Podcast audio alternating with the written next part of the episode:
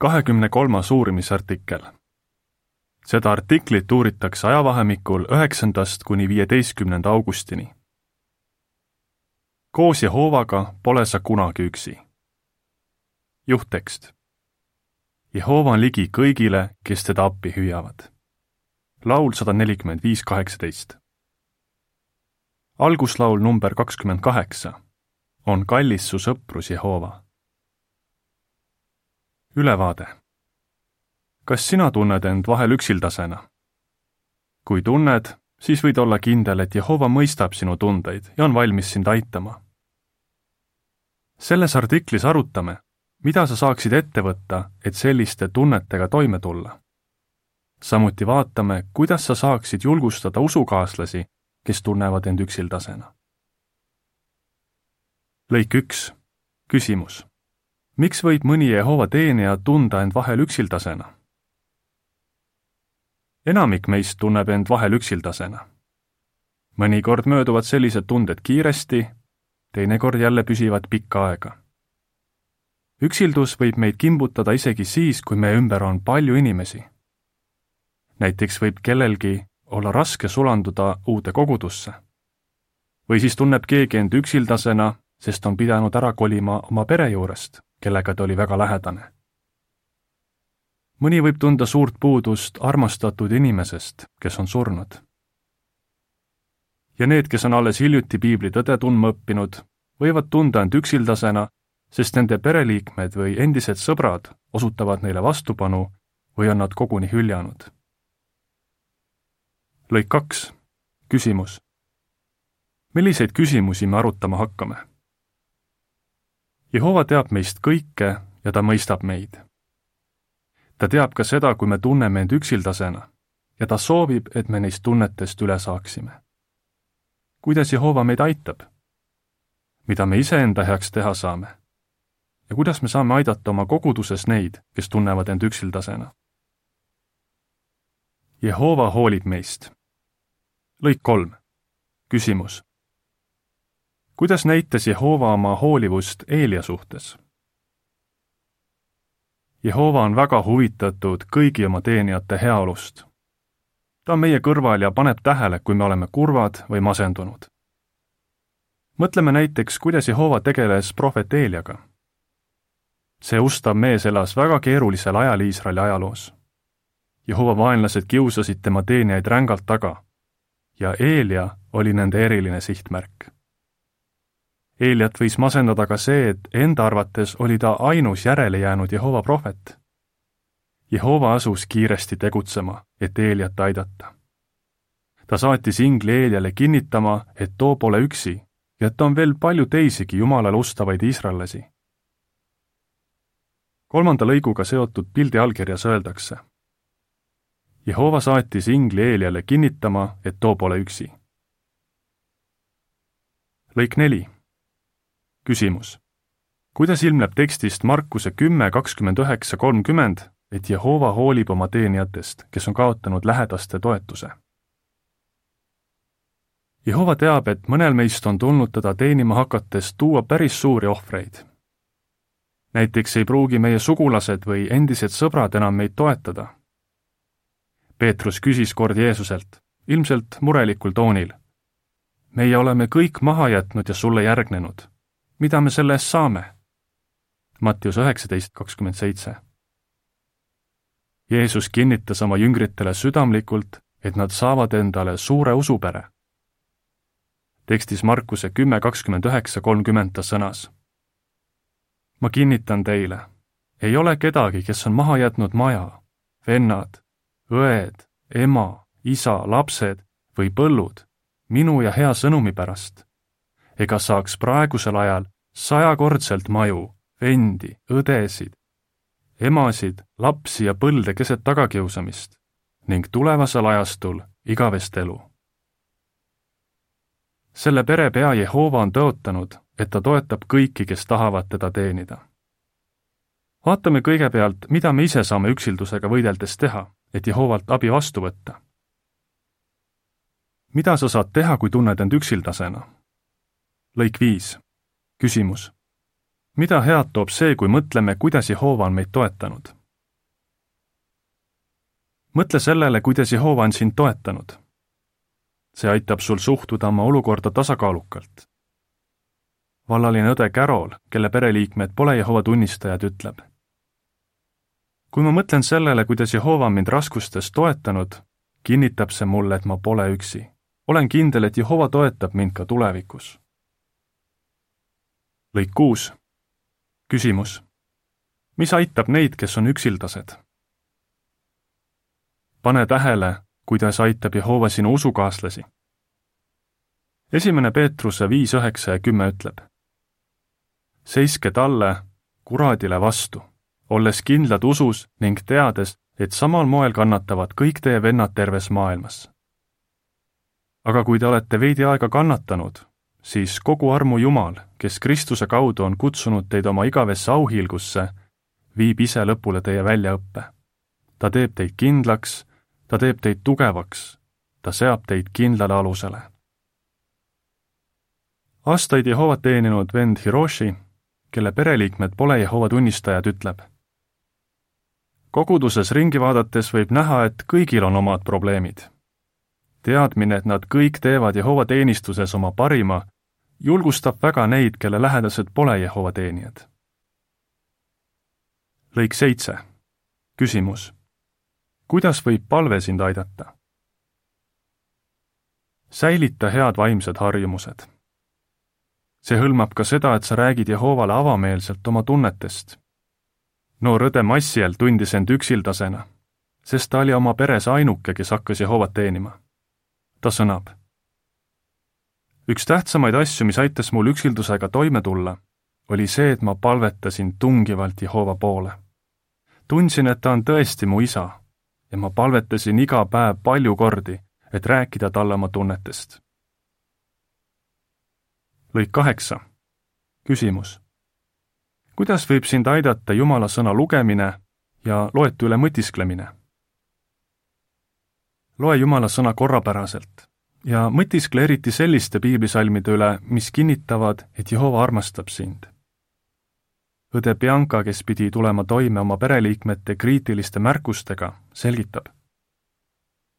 mind aitab väga see, kui loen piiblijutustusi ja selliste Jehova teenijate elulugusid, kes on olnud samasuguses olukorras nagu mina. mõni meie usukaaslane on jätnud meelde julgustavaid piiblitekste, nagu laul kakskümmend seitse kümme ja Jesaja nelikümmend üks kümme. teistel on aidanud üksildusega toime tulla see, kui nad koosolekuteks valmistades või piiblit lugedes on kuulanud audiosalvestisi. järgneb kaheksanda lõiguga seotud pildi selgitus. vend, kes on kaotanud oma abikaasa, leiab lohutust sellest, kui kuulab piibli ja muude väljaannete audiosalvestisi. pildi allkirjas öeldakse. Piibli ja teiste väljaannete audiosalvestiste kuulamine võib aidata neid, kes tunnevad end üksildasena lõik üheksa. küsimus. mida head toob sulle koosolekutel käimine? püüa korrapäraselt koosolekutel kohal olla. Need julgustavad sind ja annavad sulle võimaluse õppida oma vendi ja õdesid paremini tundma. Massiel ütleb. kuigi ma olin väga uje, otsustasin igal koosolekul kohal olla ja vastata. see aitas mul tunda, et olen koguduse osa. lõik kümme küsimus. miks on oluline usukaaslastega sõbraks saada?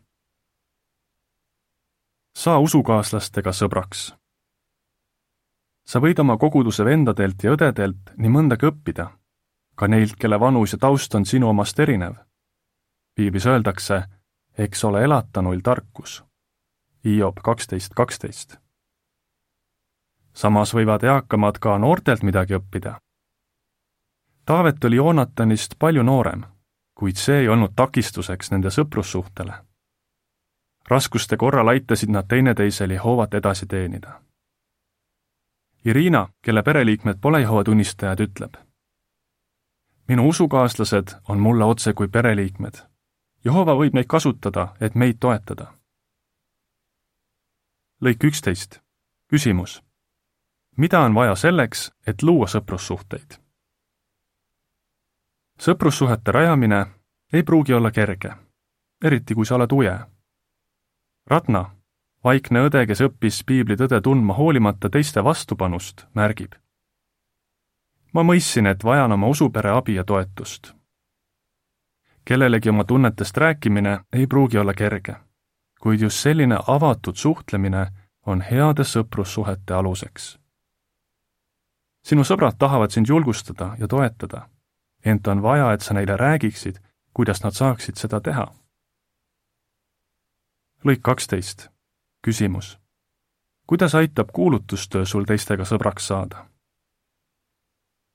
üks parimaid võimalusi, kuidas saada usukaaslastega sõbraks, on teha koos nendega kuulutustööd. varem mainitud Carol ütleb ma olen saanud palju häid sõpru, kui olen koos õdedega kuulutanud või teinud midagi muud Jehova teenistuses. Jehova mind aastate jooksul nende sõprade kaudu toetanud. ustavate kristlastega sõprussuhete rajamine on kahtlemata väärt pingutusi. sellised sõbrad aitavad sul võidelda negatiivsete tunnetega, nagu näiteks üksildusega. Ole toeks teistele. lõik kolmteist. küsimus milline tähtis roll meil kõigil koguduses on? meil kõigil on tähtis roll, et kogudus oleks mõnus paik, kus mitte keegi ei tunneks end täiesti üksikuna. me saame oma sõnade ja tegudega selle heaks palju ära teha. pane tähele, mida ütles üks õde. kui ma õppisin piiblitõde tundma, sai kogudusest minu perekond. Ilma nende abita poleks minust Jehova tunnistajat saanud.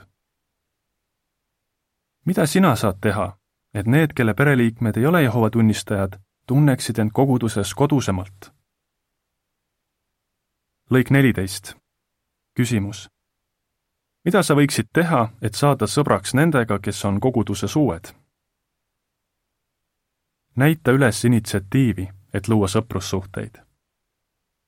Me võiksime alustada sellest, et tervitame sõbralikult neid, kes on koguduses uued samas ei peaks me muidugi piirduma pelgalt tervitamisega. me tahame aja jooksul saada nendega sõbraks. võta siis aega, et uutega tuttavamaks saada. kuigi me ei taha kellegi ellu sekkuda, on hea püüda mõista, milliseid raskusi neil on. mõnel ei pruugi olla kerge oma tunnetest rääkida. Seepärast peaksime olema ettevaatlikud, et me neid küsimustega ei pommitaks. selle asemel oleks hea nendega lahkelt vestelda ja neid hoolega kuulata. näiteks võiksid sa küsida, kuidas nad piiblitõde kuulsid. lõik viisteist. küsimus. kuidas saavad küpsed kristlased teisi koguduses aidata? kui küpsed kristlased, eriti koguduse vanemad, oma usukaaslaste vastu huvi üles näitavad, saab kogudus vaimselt tugevamaks. Melissa, kellele õpetas piiblitõde tema ema, ütleb ma ei suuda sõnades väljendada, kui tänulik ma olen neile vendadele, kes on mul aastaid otse kui isa eest olnud. alati, kui mul on olnud vaja kellegagi rääkida, on nad minu jaoks olemas olnud. noor vend Mauricio tundis end hüljatuna, kui tema piibliõpetaja Jehova teenimisel õpetas. ta sõnab, koguduse vanemate siiras huvi aitas mind tohutult. Nad vestlesid minuga sageli, kutsusid kuulutama jagasid piibli mõtteid ja isegi veetsid koos minuga aega. praegu teenivad nii Melissa kui ka Mauricio Jehovat täisajaliselt. lõigud kuusteist ja seitseteist. küsimus. Mida konkreetset me saame teiste heaks teha? tee teiste heaks midagi konkreetset. Leo, kes teenib missionärina kaugel oma sugulastest, ütleb lahke tegu õigel ajal on tihti just see, mida sa parasjagu vajad. mäletan üht päeva, kui mul juhtus autoavarii. kui ma lõpuks koju jõudsin, olin üsna läbi. üks abielupaar aga kutsus mind enda juurde einestama. ma ei mäleta, mida me sõime, kuid ma mäletan seda, kui osavõtlikult nad mind kuulasid. pärast seda tundsin end palju paremini. me tunneme rõõmu kokkutulekutest ja seda eriti seetõttu, et me saame veeta koos teistega aega ja omavahel kuuldud mõtetest rääkida. kuid Carol, kellest varem juttu oli, sõnab. kokkutulekutel tunnen end üsna kehvasti. kuigi minu ümber on sajad vennad ja õed, on nad kõik enamasti koos oma peredega. Neid vaadates tunnen end üksikuna. mõnel on kokkutulekul raske olla siis, kui ta on seal esimest korda pärast abikaasa kaotust. kas sina tead kedagi, kel on selliseid katsumusi? miks mitte kutsuda teda järgmine kord enda kõrval istuma? lõik kaheksateist. küsimus. kuidas me saame rakendada nõuannet tekstis teine korintlastele kuus, üksteist kuni kolmteist? Veeda teistega koos aega. püüa erinevate vendade ja õdedega koos aega veeta, eriti nendega, kes võivad tunda end üksildasena. meil tuleb järgida Pauluse nõuannet avardage oma süda tekstis teine korintlastele kuus, üksteist kuni kolmteist ütleb Paulus. me oleme rääkinud teiega avameelselt, korintlased, ja oleme avardanud oma südame. Teil ei ole meie südames kitsas, vaid teie enda süda on kitsavõitu. ma ütlen teile nagu oma lastele, tehke teie sedasama, avardage oma süda. Melissa meenutab see oli nii tore, kui sõbrad kutsusid meid endale külla või kuhugi väljasõidule. kas sinu koguduses on kedagi, kellele sa saaksid külalislahkust osutada? lõik üheksateist. küsimus. Millal eriti võivad usukaaslased meie tuge vajada? teatud aegadel võivad usukaaslased meie seltsi eriti hinnata mõnel võib olla eriti raske aeg siis, kui tema ilmalikud sugulased peavad mingeid pühi teised võivad vajada tuge näiteks lähedase surma aastapäeval. kui oleme sellistel aegadel oma usukaaslastele toeks ja veedame koos nendega aega, siis näitame sellega, et me tõesti hoolime neist. Järgneb lõikudega kuusteist kuni üheksateist seotud pildi selgitus. üks vend külastab koos tütrega oma koguduse eakamat venda. pildi allkirjaks on küsimus kas sinu koguduses on kedagi, kes vajaks sinu seltsi? lõik kakskümmend. küsimus. kuidas aitab meid tekst Matteuse kaksteist, nelikümmend kaheksa kuni viiskümmend, kui me tunneme end üksildasena? Mattiuse kaksteist, nelikümmend kaheksa kuni viiskümmend ütleb. Jeesus vastas, kes on mu ema ja kes on mu vennad? sirutanud käe oma jüngrite poole, ütles ta, need on mu ema ja mu vennad. sest kes täidab mu taevase isa tahet, see on mu vend, õde ja ema. on palju põhjuseid, miks keegi võib tunda end vahel üksildasena. kuid me ei tohiks kunagi unustada seda, et Jehova on sellistest tunnetest täiesti teadlik. ta annab meile sellist tuge, mida me vajame ja seda tihti just meie usukaaslaste kaudu. meie omakorda saame väljendada talle oma tänu kui teeme oma parima, et usukaaslasi aidata. ükskõik, kuidas me end vahel ka ei tunneks, pole me kunagi üksi, sest meiega on Jehova. kuidas sa vastaksid? Kust me teame, et Jehova paneb tähele meie tundeid? mida me saame teha, kui tunneme end üksildasena? kuidas me saame aidata oma usukaaslasi? lõpulaul number nelikümmend kuus Jehova, sind täname. artikli lõpp